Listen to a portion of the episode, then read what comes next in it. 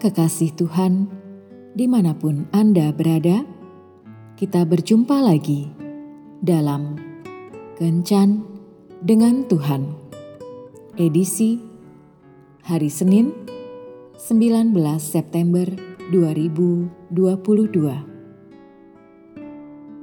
Dalam Kencan kita kali ini, kita akan merenungkan ayat dari Injil Matius bab 19 ayat 14.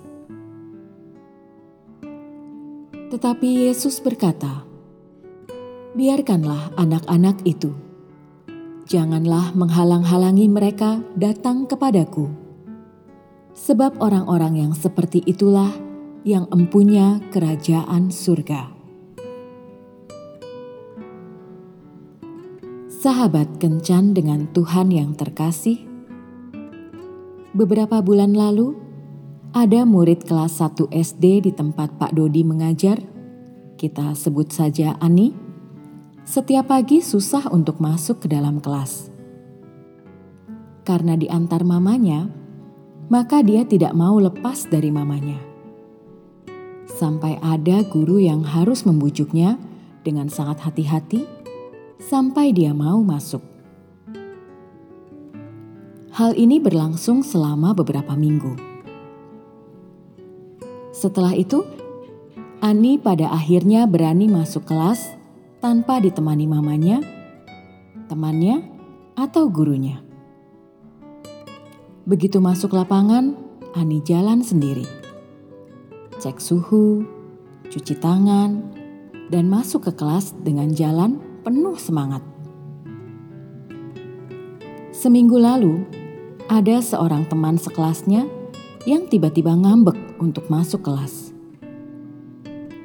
Begitu sampai di depan gerbang, dia memegang tangan mamanya dan tidak mau masuk.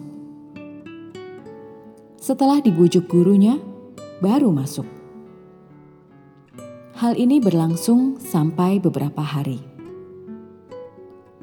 Sampai pada akhirnya hari Kamis lalu, ketika anak ini ngambek, tidak mau masuk kelas, Ani bersama beberapa temannya membujuknya dan menggandengnya sampai masuk ke dalam kelas.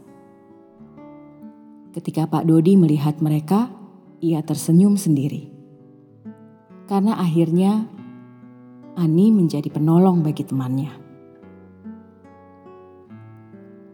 Mengapa dalam bacaan kitab suci tadi Tuhan mengaitkan kerajaan surga dengan anak-anak? Dan mengapa anak-anak terkesan mendapat tempat istimewa di dalam kerajaannya?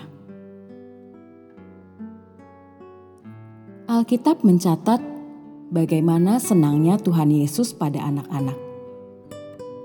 Saat murid-muridnya menganggap anak-anak kurang penting, Tuhan Yesus justru menganggap anak-anak penting, bahkan sangat penting.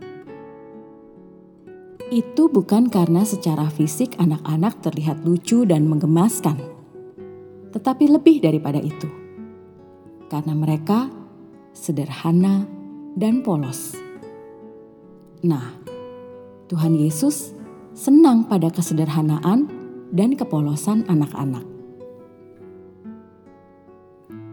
Ada dua hal yang bisa kita pelajari dari anak-anak. Pertama, cepat berdamai. Perihal berdamai, anak-anak memang layak dijadikan teladan. Anak-anak tidak mengenal dendam.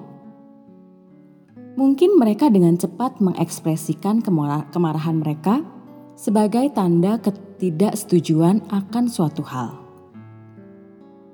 Namun, bisa dipastikan bahwa mereka pun dengan cepat mengucapkan kata maaf dan berdamai.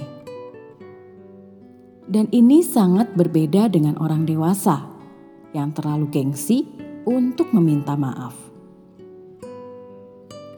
Kedua, berkata apa adanya. Anak-anak tidak pernah memilah kata-kata yang hendak keluar dari mulutnya apa pun perkataan yang keluar dari mulut anak-anak selalu sesuai dengan keadaan yang sebenarnya terjadi. Inilah dua hal yang bisa ditemukan dalam diri anak-anak. Mungkin masih banyak lagi. Maka, tidaklah heran jika Tuhan menjadikan anak-anak sebagai role model untuk kita pribadi dewasa. Mari, belajarlah lebih banyak hal baik dari anak-anak. Karena sikap seperti itulah yang disenangi Tuhan. Tuhan Yesus memberkati.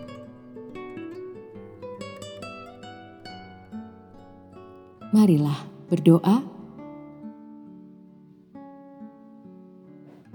Tuhan Yesus, ajarilah aku untuk meneladani hal-hal yang baik dari anak-anak. Amin.